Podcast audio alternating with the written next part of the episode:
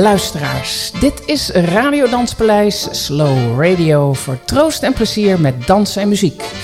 U luistert naar muziek van toen en naar de verhalen achter de muziekfavorieten van onze gasten.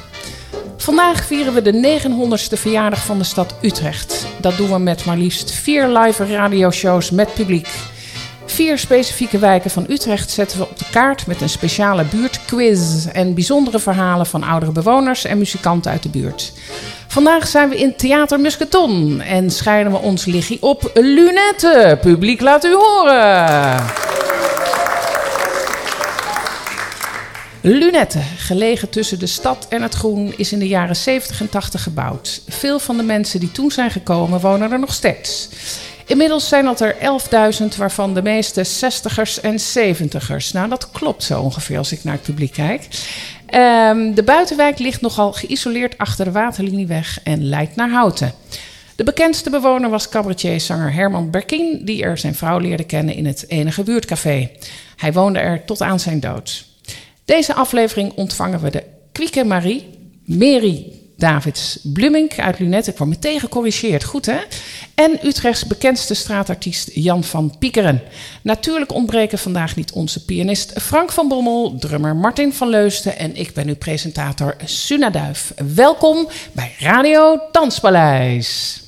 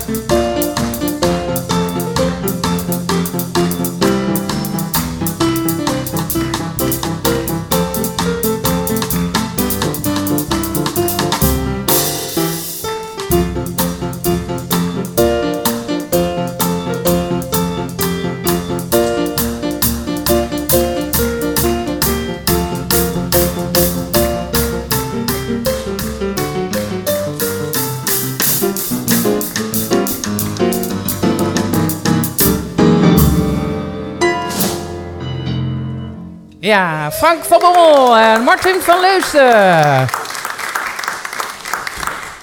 Zo, dat was een lekkere introductie, eh, Frank. Heerlijk, Suda. Dat is toch fijn zo eens een uitzending beginnen met zulke heerlijke, opgewekte, vrolijke muziek. Hebben we de teksten nog niet eens bij, maar ik neem aan dat de alle Utrechters die wel kennen. En mij wil je niet horen zingen. Dus uh, in dat opzicht, daarom dacht ik van nou, laat ik het alleen op piano doen. Ja, ik zag heel wat monden meegaan, dus dat is helemaal goed gekomen.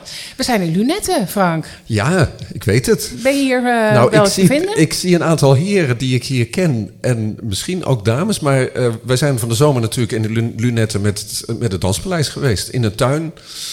Lekker zonnig, enorm gezellige sfeer. Veel Elvis-fans waren daar.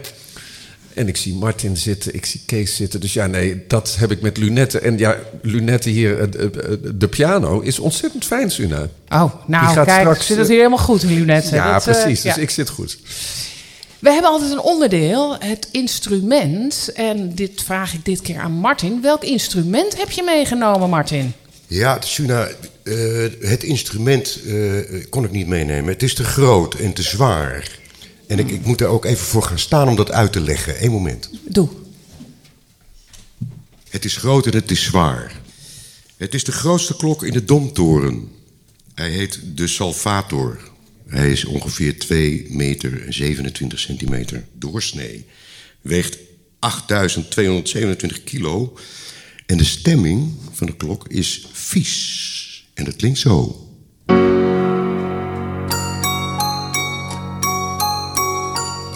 Ik moet denk ik acht jaar geweest zijn of zoiets, lagere school. We woonden in Baren en we gingen op excursie naar Utrecht.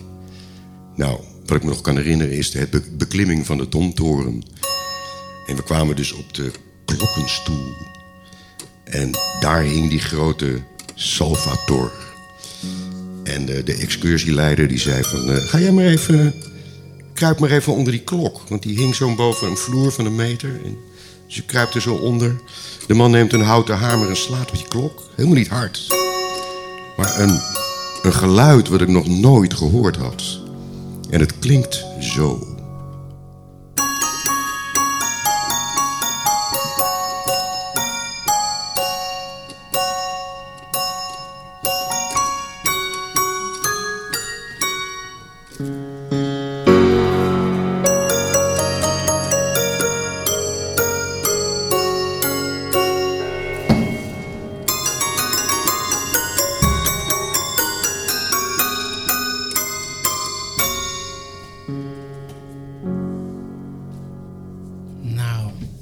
Wat een mooi verhaal, Martin. Dankjewel.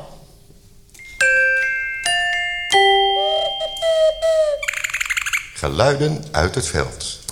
Ja, geluiden uit het veld. Bij iedere uitzending ontvangen we het zogenaamde buurtbeest.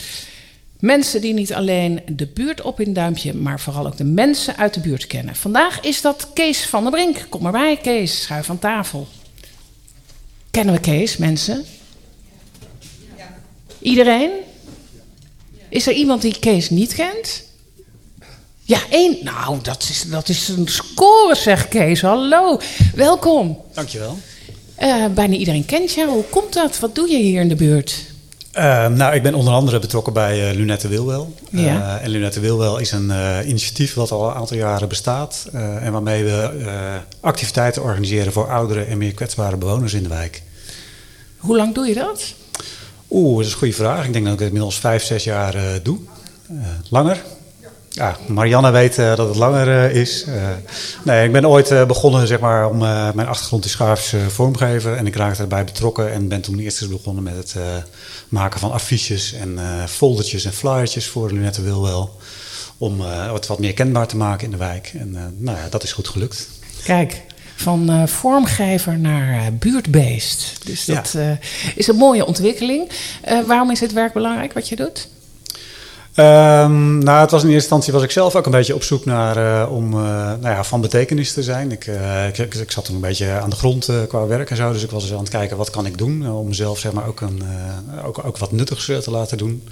Dus daar ben ik mee begonnen en dan kom je er ook achter inderdaad van dat er gewoon ook in de wijk behoefte is aan, aan dit soort activiteiten, waar mensen en elkaar tegenkomen en een band met elkaar opbouwen en nou ja, zo eigenlijk ook een sociaal netwerk in de wijk vormen. Nou, volgens mij heel belangrijk en steeds belangrijker dit werk. Dankjewel Kees voor je uitleg. Ja. Is er iemand die Kees kent en daar iets over kan zeggen? De ervaring met hem heeft? Wie, wie bent u? Godelieve Thompson. Godelieve, wat wil je, wat wil je kwijt? Nou, vaak staat hij op uh, Facebook als er dus een buurtmarkt is of een uh, jaarmarkt. Dan heeft hij altijd advertenties van kom je ook en dan kan je reageren. En de folders door de brievenbus over de doet hij ook zorgt hij ook voor. Is Kees belangrijk in de buurt? Jawel, want uh, er is niet veel te doen en hij maakt het mogelijk. Kijk, Kees, het levende bewijs in het publiek. Dankjewel.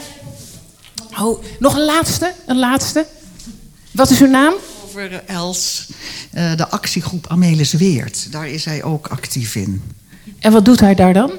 Nou, actie voeren tegen de snelweg actie voeren tegen de snelweg. Uh, ook nog een activist. Ik, het kan niet meer beter, Kees. Dit is uh, hè, tegen de snelweg voor de mensen in de wijk en de verbinding realiseren. Dat is wat een buurtbeest is. Dankjewel. De artiest aan het woord. Artiest aan het woord vandaag, Jan van Piekeren. We hebben hem in december 2021 in de coronaproef-editie telefonisch aan het woord gehad in onze radio-uitzending. En vandaag live, ja. Jan kent als straatmuzikant de Utrechtse buurten als een broekzak. Hij is zanger, liedjeschrijver, woordkunstenaar, verhalenverteller en wat al niet meer. Je vindt hem op vele Utrechtse podia, maar hij verkiest toch het spelen op straat boven alles. Hier bereik je de meeste mensen, zeker nu, en dat is toch het best, de beste PR die je als een artiest kan wensen. Al dus jou, Jan. Behalve mooie liedjes heeft hij een vaste column voor de Utrechtse dakloze krant Het Straatnieuws. Al met al om Jan komen we niet heen als we de jarige stad willen vieren. We gaan met hem in gesprek. Welkom Jan. Goedemiddag. Hallo. Jij bent straatartiest. Wat heb jij met lunetten? Nou ja, we hebben toevallig eh, een bassist van ons, eh, de eerste bassist, die woont hier ergens. En oefenruimte? We Oefenruimte hebben we gehad. Ja. eh, bij, eh, naast de detox. ja. Nou ja, dan en, en eh, wat, wat, wat vind jij met verschil met andere wijken? Wat, wat, hoe, eh, Ja, Lunet heeft altijd een beetje zo, een beetje alsof het er een beetje aan hangt. Ja. Maar eh, ja, ik, ik, ik, ik zie steeds meer mensen, eigenlijk ook leeftijdsgenoten van mij. Die Dus hoe eigenlijk ouder deze- je wordt, hoe meer je richting deze kant lunetten. Ja, precies. de ruimte, het mooi park, veel groen. Ja. ja, dat is wel het eerste wat je opvalt. Hè? Als je bent met de bus gekomen en dan zie je meteen eh, het groen. En de, ja, het is allemaal wat breder, Ja. meer groen. Dus, eh, Ja, ze hebben een hoop geleerd van Overvecht en uh, Kanaaleiland. Kijk. Jij gaat even iets eh, doen, hè? Ja, we gaan eerst even, een, eh, even, één, eh, even drie minuten de stad bezingen. Ja, heel goed. Dat gaan we doen. Dank u wel. Johan Frans. eh. Oké.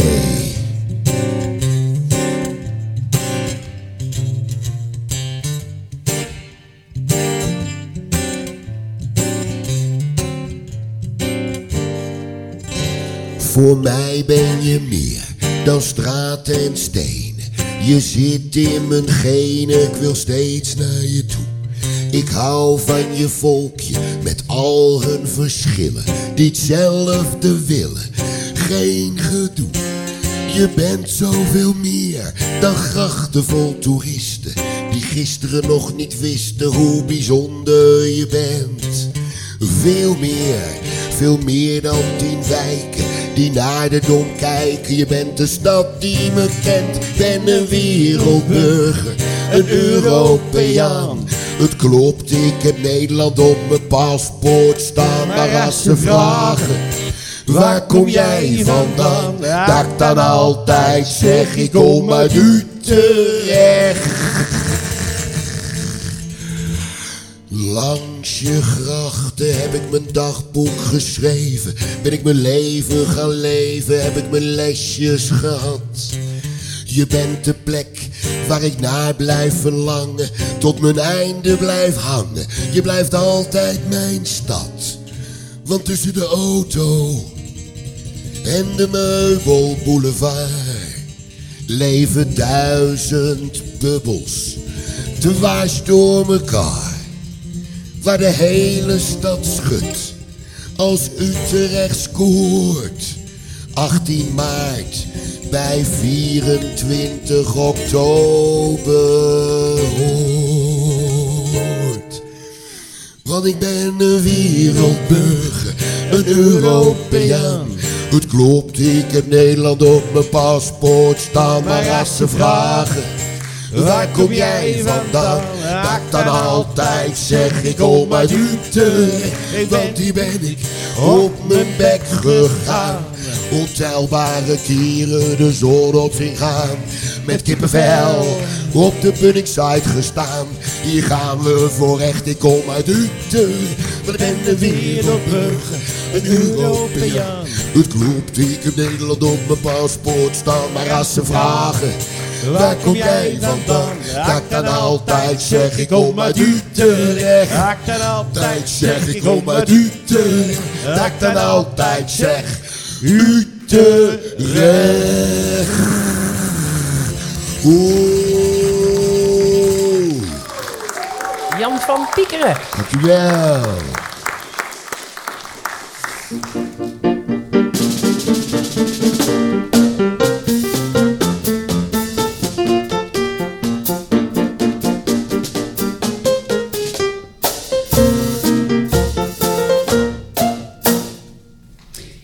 Zijn uh, aangekomen bij het onderdeel Ken je Stadje? En daar hoort een historicus bij. En vandaag is dat Maarten Brinkman. Kom erbij, schuif van tafel. Maarten Brinkman is de auteur van het boekje Lunette, geschiedenis van een Utrechtse nieuwbouwwijk. Hij beschrijft onder andere de bouwfase, de komst van de eerste bewoners in 1977 en de inspraak van de buurtbewoners. Kortom, een stukje historisch besef over het ontstaan van de wijk. Daarnaast is hij veelvuldig met zijn fototoestel te vinden in de buurt om bijzondere momenten vast te leggen en te delen met het publiek op de website van Lunette. De juiste man om aan tafel te hebben voor deze radio-editie. Welkom Maarten. Dank je. Um, waarom heb je ooit dat boekje geschreven? Uh, omdat ik in de loop van de tijd geïnteresseerd was geraakt in de wijk waar ik woonde. Ik woon hier al betrekkelijk lang, sinds uh, maart 1983. Maar in het begin had ik helemaal niet zo door dat het zo'n bijzondere wijk was. Daar ben ik in de loop van de tijd pas uh, achter gekomen. En vooral de, het 25-jarig jubileum van de wijk in 2002 heeft dat al in een stroomversnelling gebracht. Uh, ik kwam erachter dat ik er eigenlijk nog helemaal niet zoveel van af wist. En ik ben toen met allerlei mensen gaan praten die ook betrokken zijn geweest bij het ontstaan van lunetten. En uh, die vertelden me zulke interessante verhalen dat het me een goed idee leek om, om die op te schrijven.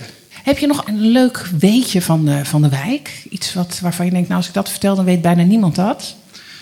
Nou, of niemand het weet. En het is eigenlijk hoe de wijk tot stand is gekomen. Dat had alles te maken met een uh, verschijnsel dat juist in die tijd heel erg opkwam. En dat was inspraak. Zo tegen 1970. En daar hebben veel mensen gebruik van gemaakt.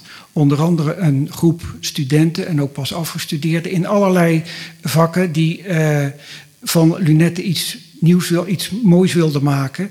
Dat, uh, en dat was in die tijd ook belangrijk. Um, erg groen zou zijn. Het, milieubewustzijn brak toen door. Maar ze hebben een uh, onderzoek gedaan, groot onderzoek, rapport geschreven. En daar was de gemeenteraad heel enthousiast over.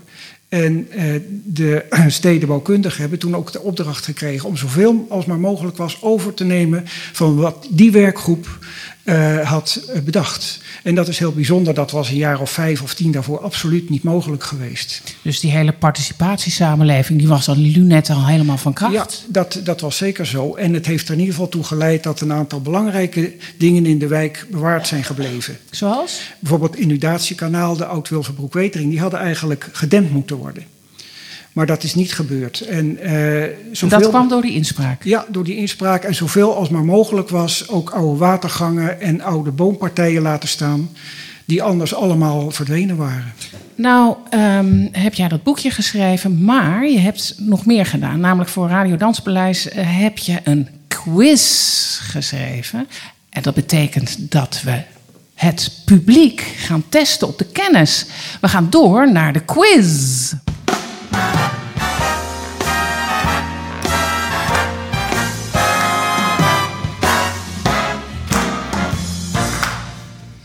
Ja, de quiz, dames en heren. Um, Maarten heeft vijf vragen gemaakt. Uh, we gaan testen uw kennis over lunetten. Um, het is eenvoudig. Ik stel vijf vragen die speciaal door Maarten Brinkman zijn gemaakt. En bij iedere vraag is er een antwoord A en een antwoord B. Nadat ik de mogelijke antwoorden heb genoemd, steekt u uw hand op bij het antwoord waarvan u denkt dat het de juiste is. En Maarten zal uiteindelijk vertellen welk antwoord goed is. Bent u er klaar voor? Dan gaan wij door naar vraag 1. In 11.022, nu 900 jaar geleden, kreeg Utrecht stadsrechten. Hoe zag het gebied dat nu woonwijk Lunette heet er in 11.022 uit? Is dat A. Er stond een Cisterciënserklooster. De monniken in dit klooster bewerkten de omliggende landerijen. Of B. Een deel van het gebied was woest en moerassig en moest nog ontgonnen worden. Een ander deel was in gebruik als bouw- of weiland. Denkt u na, vraag A of vraag B? Dan vraag ik aan u, wie is er voor vraag A? Steek uw hand op. Wie is er vroeg vraag B? Nou, ik weet het niet hoor, maar volgens mij. ik zal u vertellen, lieve luisteraars. Er is één iemand bij vraag A en de rest kiest voor vraag B. Maarten, wat is het antwoord? Het goede antwoord is B. En uh, we weten niet precies wanneer wat, welk deel van Lunette uh, is ontgonnen, maar het is ermee begonnen dat het om Utrecht heen uh, nou moerassig en, en woest gebied was. En in de loop van de tijd zijn ze dat gebied gaan ontginnen. En het gedeelte van wat nu Lunette heet, waar wij nu zijn, dat hoorde al van oudsher bij Utrecht. In Utrecht had het daarvoor het zeggen. En dat was hoogstwaarschijnlijk in 1122 al uh, ontgonnen en in cultuur gebracht. Daar zal wat uh, land en landbouw zijn bedreven, veeteelt. Maar het andere deel, het zuiden wat, wat, van, van Lunette, dat was nog moerasland. En dat is in de loop van deze, of van, van diezelfde eeuw, waarschijnlijk in cultuur gebracht, of de eeuw daarna. Dat is niet helemaal duidelijk wanneer. Maar dat is in, in etappes is het hier uh, in, uh, is het ontgonnen. Nou, dat heeft het publiek heeft dat helemaal goed, zo ongeveer. Uh, dan vraag, gaan we door naar vraag 2. Ik hoop dat het een beetje een afvalreis wordt, want dit zijn wel kenners in de zaal. Vraag 2. In Lunette kom je op verschillende plaatsen de naam Koppel tegen. Park de Koppel, stadsboerderij Koppelsteden, wooncentrum voor senioren De Koppel, cafetaria De Koppel, ga zo maar door. Waar verwijst het woord koppel aan? Is dat A. Een oude verbindingsweg die in de middeleeuwen door dit gebied liep? Of B. Een middeleeuws woord voor gemeenschappelijke weide? Wie er voor A is, steekt uw hand op. Wie er voor B is, steekt nu de hand op. Nou, lieve luisteraars, de meeste bij A, een beetje bij B. En het antwoord is Maarten. Het goede antwoord is B. Oh! Ja, en uh, er is inderdaad een koppeldijk. Die maakte deel uit van een uh, oude verbindingsweg. Maar het, het, woord koppel, dat is uh, het, het Middel-Nederlands, het, het, Nederlands uit de middeleeuwen, voor gemeenschappelijke weide. En eh, dat gaat terug tot de tijd dat het hier eh, ontgonnen was. En dat deel van, van Lunette, dat was dan kennelijk een weide waar het boeren hun, hun veelieten konden laten grazen. En wat ook gebruikt werd voor, voor, voor hakhout, voor wanneer ze moesten stoken. En um, het, het, is het gedeelte, ja, inderdaad, waar nu Park de Koppel ligt. Dat was, maakte deel uit van een ontginningsgebied dat de Koppel werd genoemd. Dan zijn we ook weer wat wijzer. We gaan door naar vraag 3. In verband met de sterk groeiende bevolking streefde de gemeente Utrecht vanaf 1900 naar gebiedsuitbreiding. Het verzet tegen de uitbreidingsplannen waarin ook het Lunettengebied was opgenomen duurde tot 1954. Nou komt de vraag. Wie verzette zich tegen de uitbreidingsplannen van de gemeente Utrecht? Is dat A, het ministerie van Defensie? Of is dat B, de buurgemeente. Wie voor A is, mag nu de hand opsteken. En wie voor B is, mag nu de hand opsteken. Oké, dit wordt spannend. Het is 50-50. Verlos ons uh, uit uh, de spanning. Nou, dit is een beetje een flauw grapje, maar jullie hebben het allemaal goed. De beide antwoorden zijn in dit geval juist. Uh, en het, dat, dat de buurgemeente zich verzette, nou ja, dat, dat kan iedereen zich wel, uh, of dat begrijpt iedereen wel. Die wilde geen, uh, geen land kwijt. maar hoe zat dat met het ministerie van Defensie? Nou, Lunette is genoemd naar de Lunette, de forte van de Nieuwe Hollandse Waterlinie. En dat, daaromheen was militair gebied.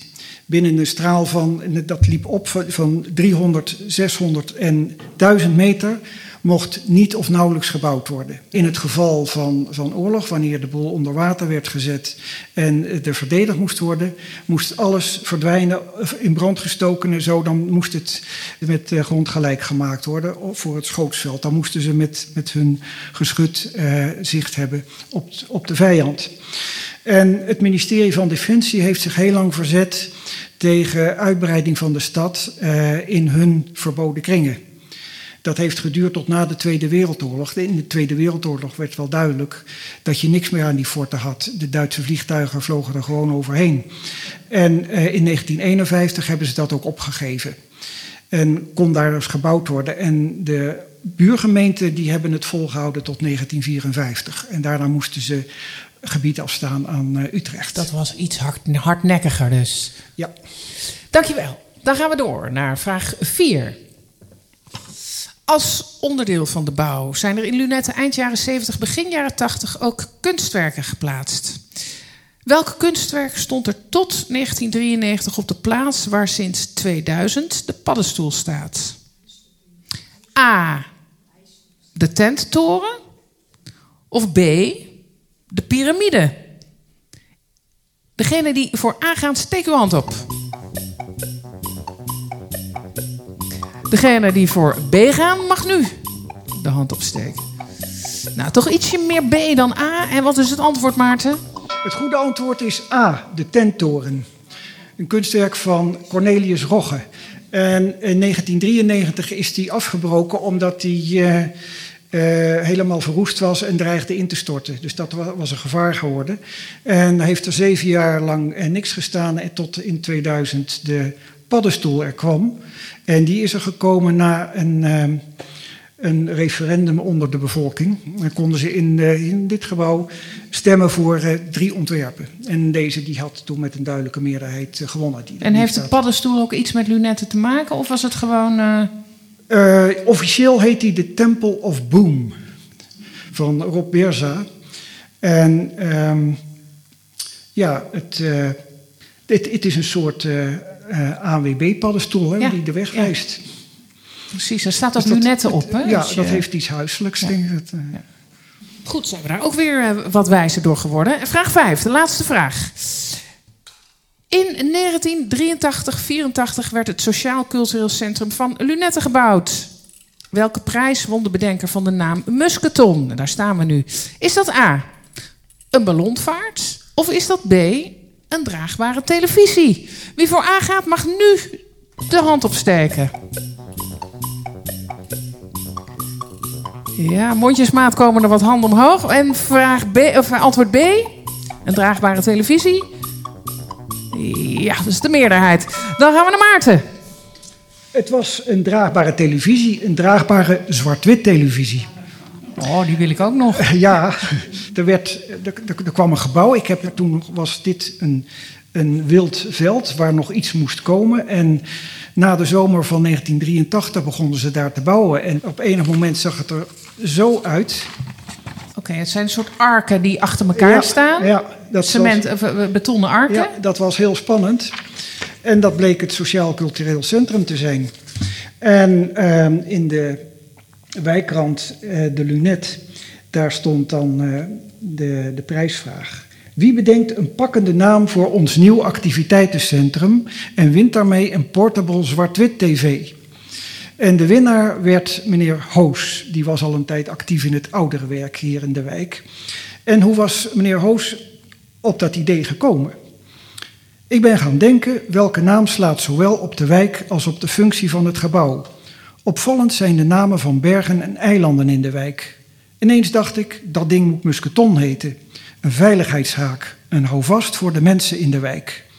Alle activiteiten komen tezamen in de musketon zoals de lijnen van bergbeklimmers en zeezeilers door een musketonhaak bijeengehouden worden.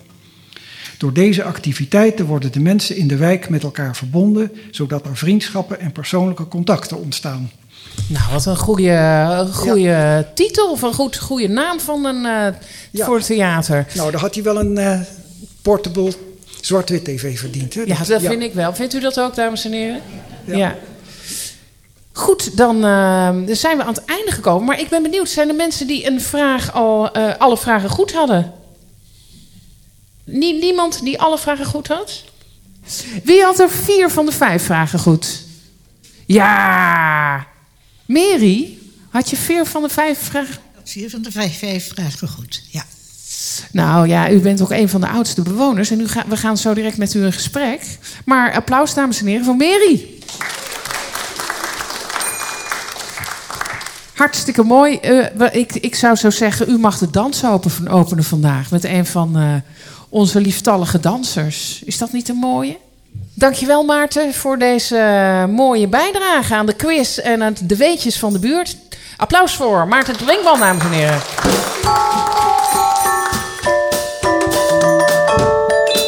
Het is tijd om een bewoonster van Lunette aan het woord te laten. We gaan in gesprek met Mary Davids Bluwink. Ze is geboren in Den Haag in 1933.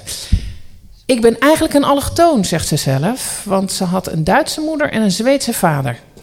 Tot haar trouwen heeft ze een tijdje in Duitsland gewoond en werkte onder andere bij de Nederlandse Handelsmaatschappij in Woerden als administratief medewerker. Ze ontmoette haar man, die werkte bij de spoorwegen en ze verhuisden vanwege zijn baan naar Nijmegen. Ze trouwen in 57 en in 59 krijgen ze hun eerste kind, een dochter.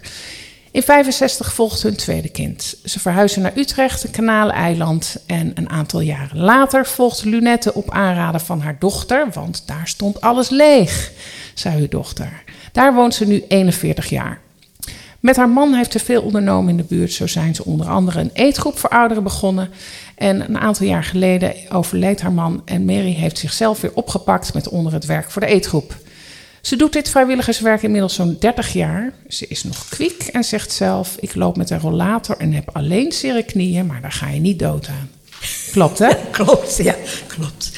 Mary, we gaan een gesprek met jou. Hartstikke nou, leuk. ben benieuwd. Ik zeg jou, mag ik jou zeggen? Of zeker, zeker. Iedereen noemt mij Mary. Oh, kijk. Ook een, uh, een bekende persoon dus in de buurt. Nou, niet zo, niet, niet iedereen hoor. Heb ik ongeveer verteld, uh, klopt het ja, een beetje? Ja, dat klopt al. Ja, die jaartal ja. alles? Oké, okay, gelukkig. Klopt. gelukkig. Um, u heeft heel wat gezien van het land. En dan belandt u al, dan woont u al 41 jaar in 41 jaar, ja. Dat kwam door mijn dochter. Want alles stond leeg en zij werkte bij de Rovu. En ze zei, je moet weg van Kanaleneiland. Er wordt hier zoveel gebouwd. En jullie wonen daar zo ongelukkig met al die trappen. En toen zijn we hier gaan kijken. En inderdaad, stond alles leeg. Waar we, en toen zei, zei mijn man, we gaan hier eens kijken en daar eens kijken. Maar de hypotheekrente was zo hoog toen. Die was 14 procent. Toen hebben we het gewaagd en toen kregen we het voor 9. Ja, en nu woon ik er dus 41 jaar. En um, wat maakt Lunet uh, zo bijzonder voor u? Met name ook door mijn werk bij de eetgroep. Met veel anderen uiteraard. Hè? Want dat doe ik al heel lang. Niet helemaal van het begin. De eerste drie weken niet. En toen hebben mijn man en ik dat opgepakt. En we zeiden, daar willen we meedoen. En daar ligt heel mijn hart bij de eetgroep. Kunt u uitleggen waarom uw hart daar ligt? Ja, dat gezellige met alle ouderen erbij. En het met elkaar doen. Want dat is, uh, nou ja, uh, Kees had het er al over, hè? De, de verbinding met de buurt, de mensen die. Uh, hè, belangrijk dat mensen elkaar vinden. Ja. Um, ik heb er ook veel vrienden leren kennen, uiteraard. En dat is heel leuk. Nu mijn man is overleden, dus voor deze, de maand november zeven jaar. En dan pak je het daarna op. En dat is natuurlijk heel fijn dat je daar terecht kunt twee keer in de week. Dus eigenlijk, u zette een eetclub op voor... Nee, ik heb het niet opgezet. Nee, nou goed, u, neemt het over en u geeft er wel... Hè, u jaagt het de boel aan met ja. uw man. Ja. Ook voor andere mensen. Ja, hè, dat... Jons Brink heeft zelfs bij ons uh, gegeten. Nou, kijk. Dat is... Uh... Allemaal bekend waarschijnlijk, hè? En, en was het een beetje een goede eter? Nou, ik zou u vertellen. Hij kwam met kerst. En uh, de opname duurde zo verschrikkelijk lang dat we die avond niet lekker hebben gegeten. Oh, ja, dat, dat krijg je. Dat is natuurlijk met televisieprogramma's. Dan moet ja. je wachten. En, ja, wachten en ja, wachten. Ja, en denk je, ga je lekker eten, maar dan moet je wachten. Ja, ja dat, is, dat, dat, eet niks. Dat nee. eet niet lekker. Nee, nee. Daar, daar kan ik me alles bij voorstellen. Nee. Maar u wordt er ook emotioneel van, omdat um, het nu waarschijnlijk ook voor u iets heeft betekend, hè? Toen uw man zeker. wegviel. Zeker. En ik ben heel dankbaar dat ik nog mag meedoen met alles. Of niet met alles hoor, met tafeldekken. En wat, want waar is het eigenlijk, de eetgroep? Nou, hier in het gebouw. Hier in het gebouw. In en, dan, het gebouw. en, dan, en dan worden de tafels langs de Die kant... worden, die worden gedekt. Ja. En uh, met placements en heel keurig. Hè, zoals het hoort. Met een bloemetje op tafel en een kaarsje. Ja. En eh, wie kookt er dan? Een hele goede kokkin, Johanne. En zijn er mensen hier die eh, bij de eetgroep zitten? Vast wel. Ja hoor, ja zeker. Zijn het allemaal, is, het, zijn het allemaal, is het een vaste eh, eh, groep? Ja, of- het is een, een vrij vaste groep, maar iedereen is welkom en we sturen nooit iemand weg. Nou, gelukkig maar. En eh, zijn er ook nieuwe mensen af en toe die binnenkomen ja, zeilen? ook, ook nieuwe mensen, ja. Nou, is eten natuurlijk heel belangrijk, omdat het verbindt. En ik kan me helemaal voorstellen dat op een plek als hier in Lunette... ehm, eh, want ik, ik geloof dat u dat ook zei in ons voorgesprek... van er is niet zoveel te doen. Dus dan zijn de dingen die er wel zijn heel belangrijk. Ja. Maar omdat wij Radio Danspaleis zijn en het altijd over muziek hebben... wil ik even een bruggetje maken naar muziek. Want wat speelt muziek voor rol in uw leven? Kunt u daar iets over vertellen? Ja, ik ben natuurlijk opgevoed met klassieke muziek, maar je kunt niet verwachten dat hier nou de Matthäus Passion Ja, u zegt natuurlijk, maar dat is niet zo natuurlijk, denk Nou ik. ja, Hoe komt dat? Ja, dat weet ik niet. Dat, dat is zo gegroeid. Want wat klonk er vroeger bij u in de huiskamer thuis? Nou, Bach, Beethoven, Mozart, Schubert, Chopin. En werd er ook gezongen? Ja, psalmen en gezangen, want ik kom bij een protestant milieu. En psalmen en gezangen, maar Bach en Hendel. En eh, dat is in principe niet meteen, hè, als je kerkelijk bent, eh, hoeft dat niet per se te klinken in de huiskamer. Wanneer werd u geraakt door muziek? Nou, met name toen ik voor het eerst naar de Passion ging. Met, eh, met mijn werkgeefster waar ik toen werkte. Die nam het personeel mee, een deel van het personeel mee... in Eindhoven naar het Philips ontspanningsgebouw.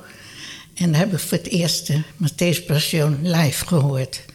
Uiteraard voor de radio thuis, maar nooit geweest.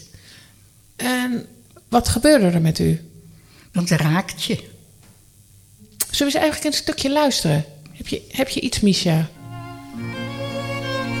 Erbarme dich.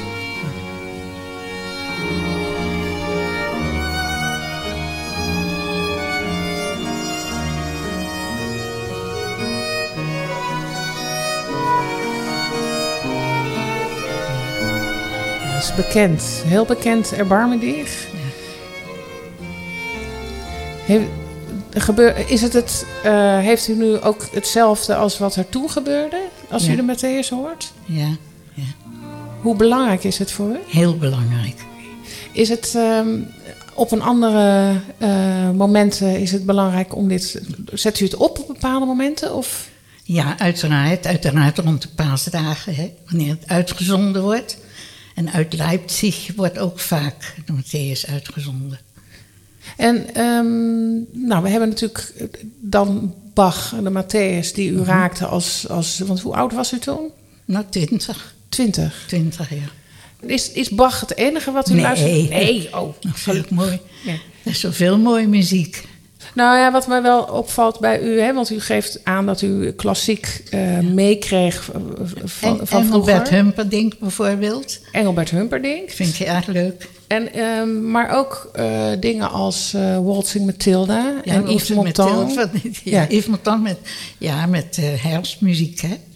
En wat, wat, hoe belangrijk is, is muziek voor, voor u? Wat, Nou, wat, doet, wat doet muziek? Nou ja, muziek maakt je blij. Ja. Ik heb het ook op mijn telefoon een hele lijst staan. Ook, ik, nou, dat wil ik wel even. Heeft u de telefoon bij de hand? Ja, maar die zit in mijn tas en Oh. heb ik uitgezet. Ja, daar ben ik nu heel nieuwsgierig aan. Dit zo'n lijst even doorscrollen hè, van, van mevrouw Meri. Even kijken wat ertussen zit.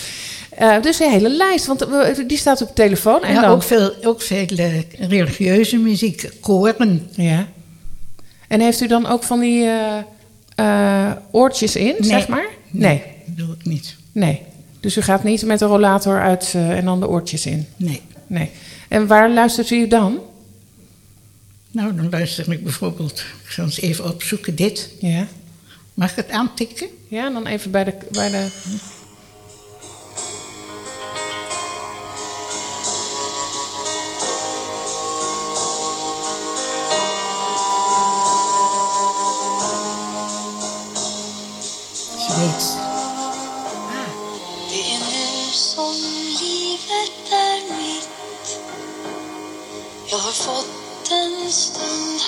på jorden orden och min längtan har fört mig hit. Jag sa Wat, dit is Zweeds. Waar zingt ze over?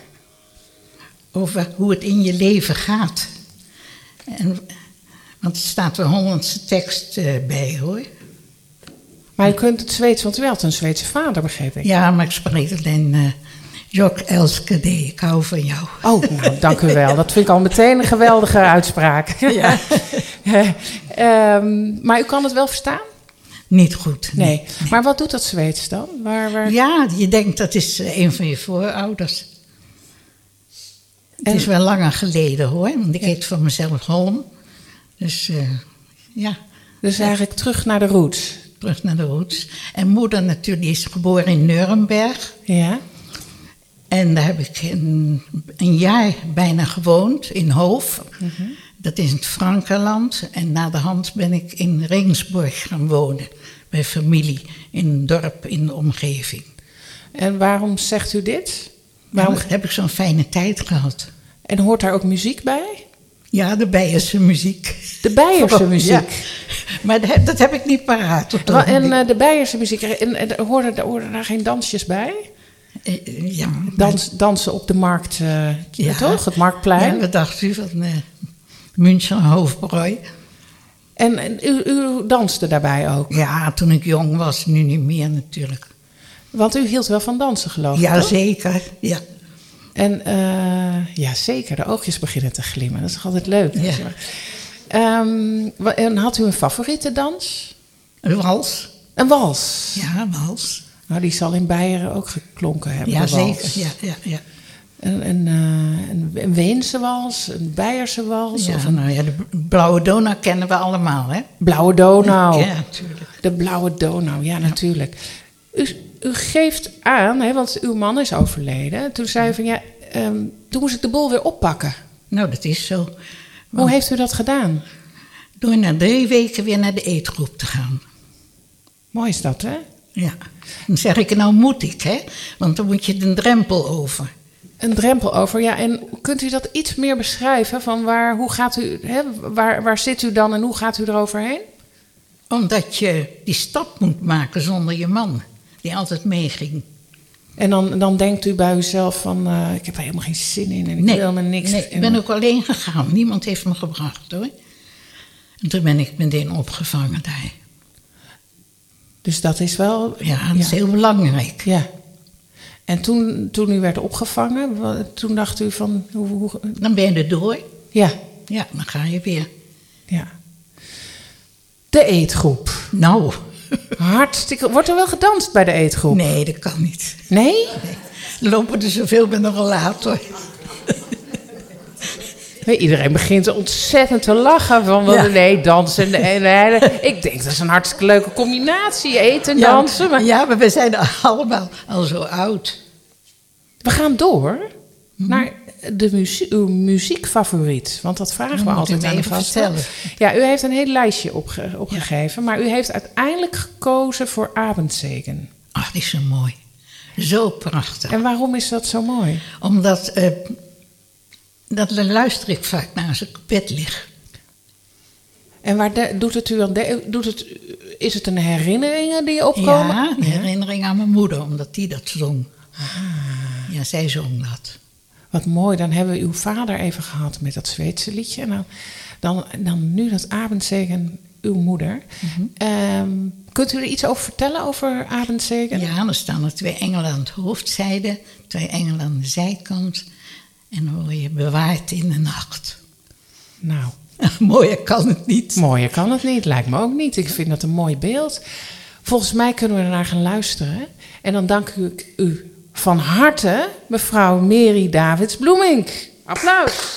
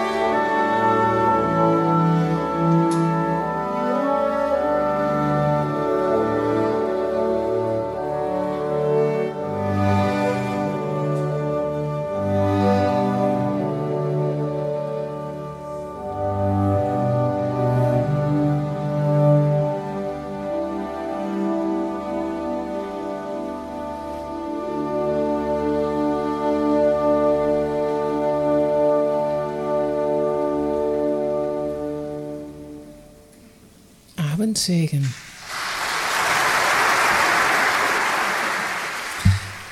Mary, wij vragen altijd aan het einde even de reactie van onze ehm, muzikanten. Dus dat gaan we doen. En we gaan dan ook vragen of ze iets voor u willen spelen. Dus ik ga nu het bruggetje maken naar. Ik zie dat Frank al klaar zit. Frank, wat vond je van dit gesprek?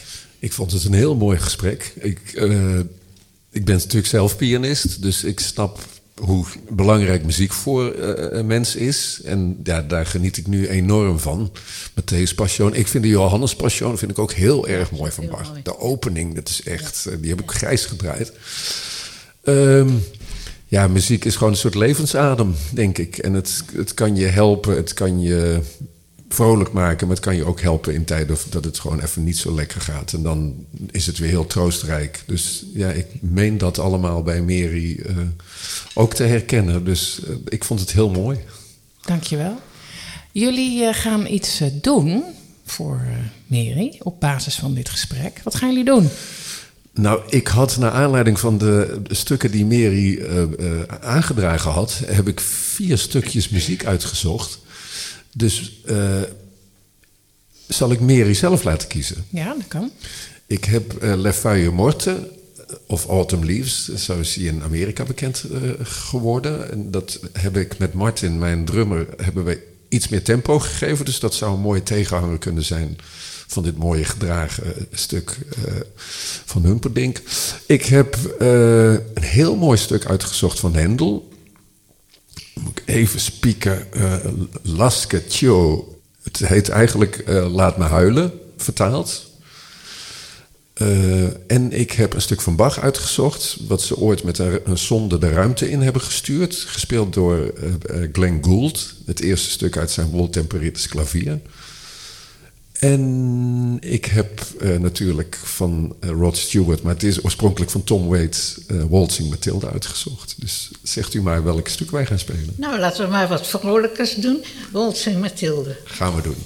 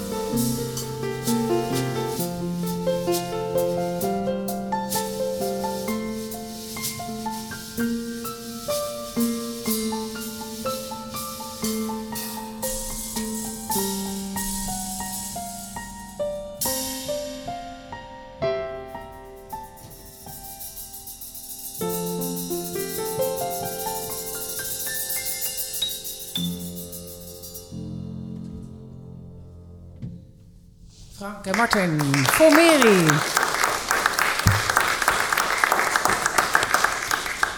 Heel even kort een reactie, Mary. Wat vond je ervan? Enig. Ja? Prachtig. Ja, was het een beetje de ja, Mathilde? Rod die- Stewart zingt het, hè? Die Ja. heeft een schorre stem. En dat, eh, daar luister ik ook graag naar. Ja, nou, die moesten er een beetje bij denken. Ja. Hè? Dus eh, Ja. met een schorre rots. Ja, eh. enig. Dank u wel, mevrouw Mary David Bloemink.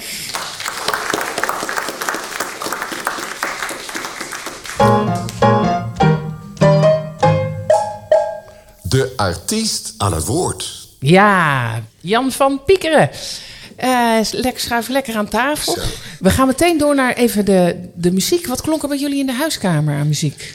Ja, nou, het, het, het modernste wat we thuis hadden was wel eh, Nancy Sinatra, denk ik. Mijn ouders. En een beetje Jim Reeves. En, eh, Golden Gate Quartet. Dus wel een beetje het eh, jazzy en een beetje het, eh, ja, het zingen, daar zat er wel in. Ja. en was dat iets wat jou ook aansprak? Of wat je zoiets van, nee, dat wil ik. Nou, het, het is wel grappig. Ik weet nog toen ik eh, een jaar of twaalf was en ik had 200 gulden bij elkaar gespaard. Want dat betaalde je toen voor een platenspeler met een box in de deksel. Oh ja. En eh, ik had die 204 euro bij elkaar, of gulden. En de platenspeler in huis, alleen ja, geen geld voor platen. Dus eh, ik kreeg van mijn vader twee platen die hij zover afgedankt had eh, dat ik ze kreeg. En dat was eh, de Kilima Hawaii's. Oh ja. Ja, met, eh, er, er hangt een paardenhoofdstel aan de muur ook eh, erop. ja. ja, En, En eh, de Golden Gate Quartet. Golden Gate Quartet. En zijn dat platen die eh, je toen bent gaan waarderen? Nou, ik, ik heb ze vooral veel gedraaid. En wat was de eerste... Ik moet zeggen, de gospel Ja? en de, nou, de, de, de Golden Gate Quartet, de vierstemmigheid, eh, die, eh, toen mocht je dat nog zeggen, de Negro Spirituals, dat kon toen nog. Ja. En eh, dus eh, ja, dat heeft me altijd eigenlijk, eh, zwarte muziek heeft me eigenlijk heel altijd getrokken. Heb- Hebben je iets Golden Gates-achtigs, eh Misha? Ja, precies. Nou ja, dit was mijn jeugd. Nou ja, in, een, eh, in een paar seconden jouw jeugd. Ja. Eh, en wat was de, de, de plaat die jij kon betalen? Weet je dat? Mijn eerste plaat Ja? die ik kocht, 11 gulden, eh, met een knip eraf bij Vrome de Raceman, was van eh, Harry Belafonte. Harry Belafonte? Ja. En dan welke? Ja, ik, ik, ik, ik vond hem eh, helemaal, ja, ik, ik, eh, ik was gek op Harry Belafonte. En weet je, en, en weet je nog Ik wel... heb ooit die live LP gehad, die kennen die mensen hier misschien ook wel, eh, ik geloof in het Wembley. Ja. Met het nummer Matilda erop, wat Ma- 20 minuten duurt, eh, waar die doorheen lacht en zo. We, hebben, we hebben hem volgens mij, hè? Gooi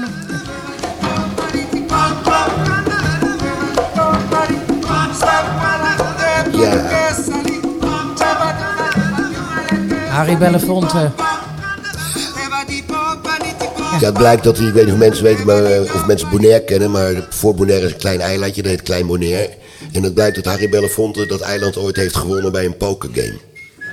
Nou, dus, eh, dat vind ja. ik nou een heel leuk Utrechts Ja, dat, dat- ja, toch? dat vond ik nou gewoon, ik denk van, ach, ik bedoel, eh, gooi, ik gooi het er even in. Die slinger je in lunetten, slinger je die er even in. Ja.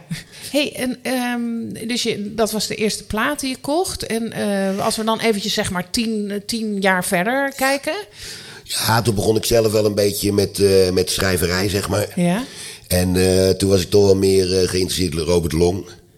Nou ja, alles Leonard Nijg. Een beetje die. eh, Ah. En een beetje de, ook de Engelstalige song Billy Joel en eh, eh, um, American Pie. Oh ja, kom, Don McLean. Don McLean. Ja. Een beetje toch een beetje. Ja, ik heb. ik heb toch altijd iets meer met de tekst gehad. Met de teksten. ja. En Mathilda, we hebben net even gehoord, maar tekst. Ja. Tekst. Don McLean noemde je. ehm ha- eh, Robert Long. Ja, Robert Vroeger en later. Die, Ja, maar- eh, dat album. En eh, Levenslang. Ja, die heb ik echt grijs gedraaid. Prachtig. Hoe, hoe oud was je toen ongeveer?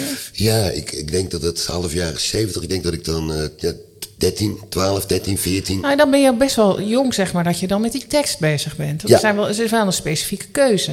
Ja, Want wat... eh, ja ik, ik, ik denk dat dat gewoon met mijn bedrading te maken heeft. Ik weet het niet. Weet je wel, de ene is visueel ingesteld. Nou, ik kan nog geen hond tekenen. een hond en een auto bij mij, die lijken echt heel veel op elkaar. Maar je kan hem wel beschrijven. Ja, precies. Ik ben Ja. er beter in om hem te beschrijven, ja. Ja. Ja, En ehm, waarom Robert Long? Dat, wat was... ja prachtige teksten. Echt prachtige teksten. Kan jij nog een liedje...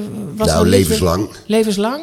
En nu ben je 30 en je schrikt. Je leven heeft zich haast voltrokken. Eh, ja, het is echt... eh, jij wordt een hele vrolijke middag, eh, wordt het. dat was geloof ik ook nog voor zijn coming out. Dus toen zong hij nog over dat soort dingen. Ja, Utrecht bestaat 900 jaar, dus we Ja, kunnen, het is heel breed. En tekst, wanneer ben je zelf gaan schrijven? Ik heb voor het eerst mijn eerste poging om nou, iets boven tussen de schuifdeuren uit te komen. Was in 92. Heb ik meegedaan aan het eh, Amsterdam Kijkersfestival. Ja?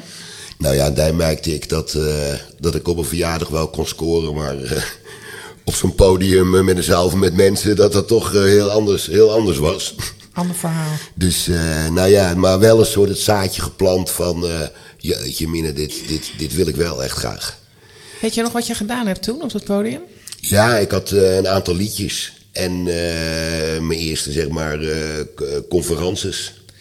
En had dat al met Utrecht te maken of nog niet? Nou, nee, ik had het... eh, het, het, eh, ja, dat is een beetje misschien... Ik weet niet of het echt voor de... Maar dat was in de tijd van Jolanda uit, eh, uit Epe. Misschien weten de mensen dat ook nog wel, die, die verschrikkelijke toestanden. Ja. Dus ik heb toen een, een liedje geschreven, Oom Klaas. En daar bezing ik eigenlijk, die ik overigens niet gehad heb, maar mijn eigen ervaring, eh inzettervaring. En dat heb ik toen in het cabaretprogramma gebruikt. En eigenlijk, eh, dat liedje heeft me per ongeluk één of twee rondes verder gebracht. Ja, en dan, eh, ja, dan krijg je natuurlijk eh, een vreselijke kluppel in je nek. Omdat je, ja, die andere mensen hebben er allemaal voor op school gezeten en zo. En die hebben allemaal al honderden uren erop zitten. En ik kwam zo uit de kroeg. Het podium op twee keer mazzel gehad en daarna hield het wel op. En, Maar ik moet zeggen, nu, 30 jaar later, dat, eh, je, moet er nog, je houdt ervan of je houdt er niet van. Maar ik ben wel geworden wat ik toen dacht dat ik al was. Ja, nou ja, ja. Nee, dat is natuurlijk... Jij zegt van knuppel in je nek en je had zoiets, Ja. maar eh, je bent wel verder gegaan. Ja, een soort wel, het- terwijl mijn goed bedoelde ouders twintig jaar hebben gezegd, Jan, het is een hobby. Nee, ben ik toch gewoon, ja, ik ben toch maar gewoon doorgegaan. En zo maar- werkt het waarschijnlijk, dat weten jullie ook allemaal. Daar waar je tijd in steekt, daar word je beter in. Eh, want in Utrecht kennen ze je wel. Hè? Want je bent Ja. wel echt een, een, een eh, Utrechts artiest. Ja, we zijn wel al, eh, al heel lang bezig. Ja. Ja, zeker, En- zeker.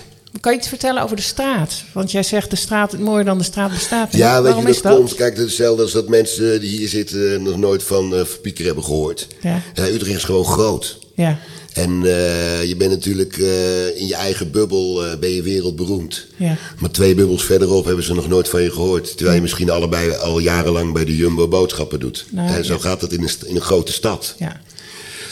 Nou, ze ken, Kees kende jou, hè? Maar het- ja, dus maar de- het was niet zo dat niemand je kende. Oh, waren- dankjewel. Ja, ja, ja. Dank, bedankt Kees. Het publiek. Vert- vraagt u.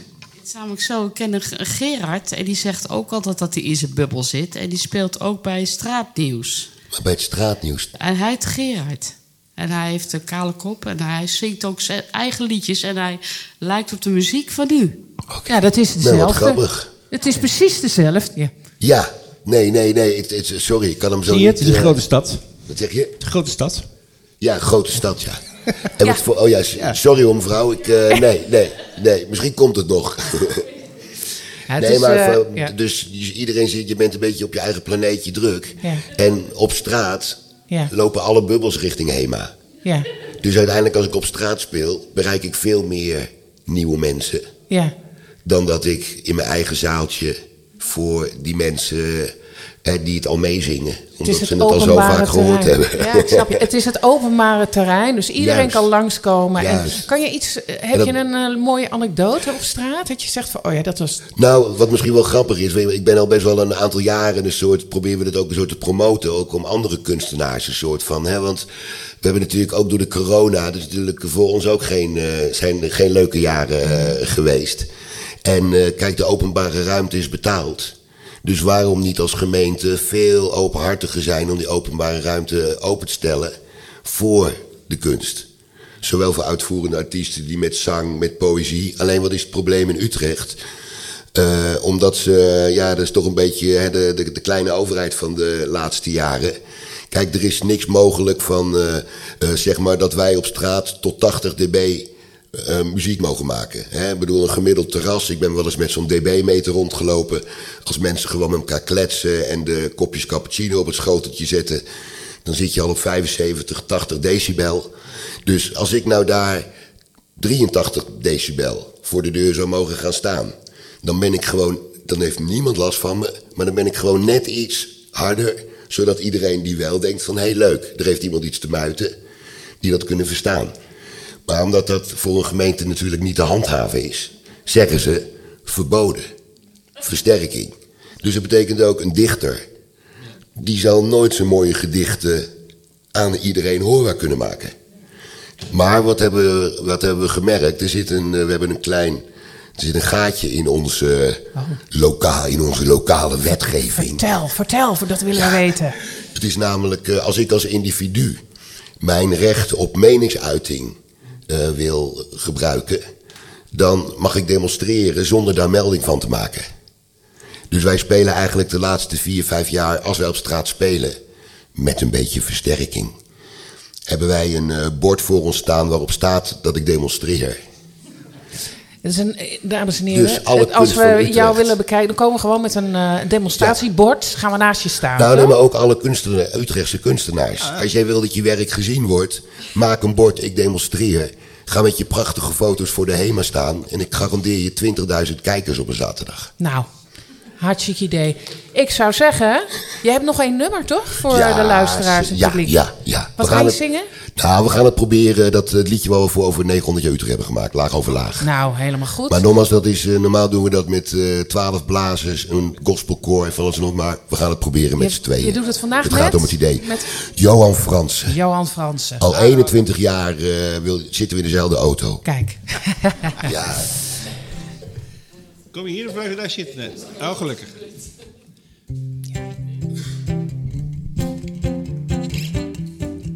Oké. Tuur, mag ik een beetje geluid? Mag ik een beetje... Ja, ja, ja, ja, hier is je vader nog steeds. Ja.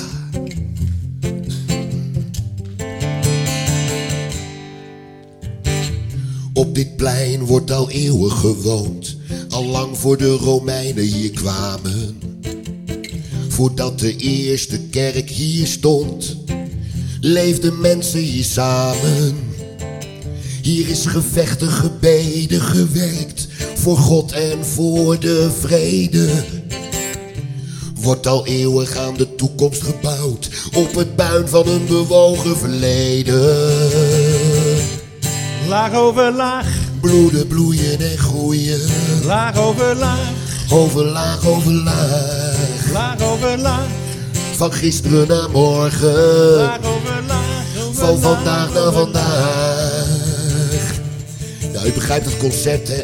U merkt het, we, missen toch een beetje de backing vocals voor de, voor de refreintjes. Nou, het, is heel goed voor uw voorste kwap. We zitten vanaf volgend jaar ook in het basispakket. Nogmaals, als jullie dan even met z'n allen die laag over laagjes doen, dan... eh het is voor de luisteraars ook fijn, gewoon dan denken ze dat het er toch is. Oké. Singels gedempt en weer opengegraven. Baksteen verliest het van beton en van glas. Wat oud is moet weg om het nieuwe te maken. Om daarna te verlangen naar hoe het ooit was. Buurten verdwijnen, reizen en reizen. Steeds verder van de ziel vandaan. Alles is anders, verdwenen, veranderd. Alleen op dit plein lijkt de tijd stil te staan. Laag over laag. Bloeden, bloeien en groeien. Laag over laag. Over laag, over laag. Laag over laag. Van gisteren naar morgen. Laag over laag. Over Van vandaag naar vandaag. Al 900 jaar wordt tussen Singel en Domplein geproost op het stadsrecht, de dom en het leven. Wordt door de burger het glas geheven, de dorst gelest met goddelijke wijn. Hier wordt nu, nog net als toen, Gelachen, gehuild, gedronken, gefeest. Is er nooit iets mooiers geweest dan een avondje dom te doen? Laag over laag, Bloeden, bloeien en groeien. laag over laag, Over laag, over laag. laag over laag, Van gisteren naar morgen. laag over laag, Van vandaag naar vandaag. laag over laag, Bloeden, bloeien en groeien. laag over laag, Over laag, over laag. laag over laag, Van gisteren naar morgen. Van vandaag naar vandaag. Laag over laag. Dank u wel. Dames en heren, Jan van Piekeren en Johan Fransen. Nou, daar vieren we de stad Utrecht maar mooi mee. Dank jullie wel. Geweldig dat jullie er waren. Hartstikke mooi. Ja, want zo zijn we langzaam aan het eh, einde gekomen, dames en heren. Met deze mooie muzikale bijdrage. Frank, wat vond je van deze eerste primeur in lunetten? Nou, heerlijk om te doen. Waanzinnig goed afgesloten, live afgesloten door Jan en eh, eh, collega. Erg van genoten, fijn die teksten. Ja, want jij bent ook zo'n tekstenman, toch? Ik ben een, een lezenman, dus, eh, maar, eh, dus om ze te horen... en zeker iemand die dat zelf schrijft, ja, is heel, helemaal fijn. En zo eh, lekker Utrechts natuurlijk. Hè? Want eh, laag over laag helemaal speciaal geschreven voor de stad die jarig is, Martin. Hoe eh, is jou eh, deze eh, editie bevallen? Ja, heel erg goed natuurlijk. Het is, het is, een, het is een warm bad, dat musketon, lunetten. Ik was hier nog nooit geweest, maar ik vind het een prachtig gebouw... en ik hoop dat het voor eeuwig blijft staan. En dat ze er niets aan doen, maar ook... Ja, dank jullie wel. Ja, er wordt geapplaudisseerd, want er bestaat de kans dat ze hier eh, iets anders mee willen doen. Hè? Dat er, Ik heb eh, gehoord ja, dat er van allerlei eh, ja, ja. dingen... maar het is, ze zeggen dat het gedateerd is, maar dat vind ik nou juist zo mooi. Ja. Want we zitten hier voor een podium met een prachtig gordijn. En ja, dat is niet meer van deze tijd. En eh, de belichting die erin hangt, dat zijn nog echte oude theaterlampen. Niet van die, van die laffe ledverlichting. Kijk. Maar gewoon echte warmtebronnen. We En dat- zitten hier dat in voel een. je eh, gewoon hier. eh, dat vind ik een hele mooie afsluiter, eh, Martin. We zitten hier in een warmtebron midden in lunetten. Met lunettens publiek. Ehm, M- Mary heeft het al gehad over het belang van eh, de eetgroep. Hè? Het sociale cement, wat eigenlijk steeds belangrijker wordt. Ja, dat moet je dan toch niet wegdoen. Nee. Nee. Nee, dat is belangrijk. Dus nog even, dames en heren, musketon, musketon, lunetten.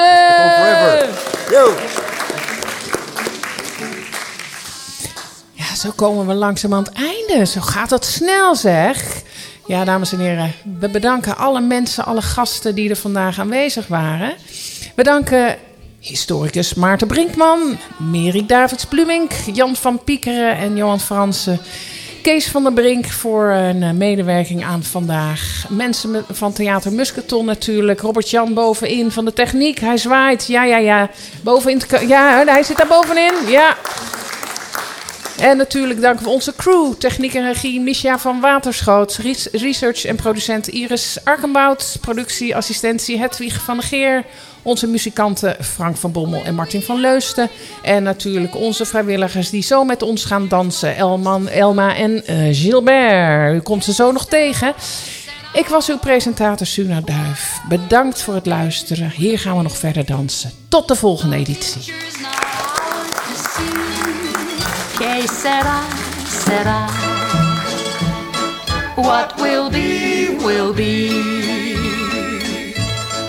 Now I have children of my own. They ask their mother, What will I be? Will I be handsome? Will I be rich? I tell them tenderly. Que sera, sera. Whatever will be, will be. The future's not ours to see. Que sera, será. What will be, will be. Que será, será.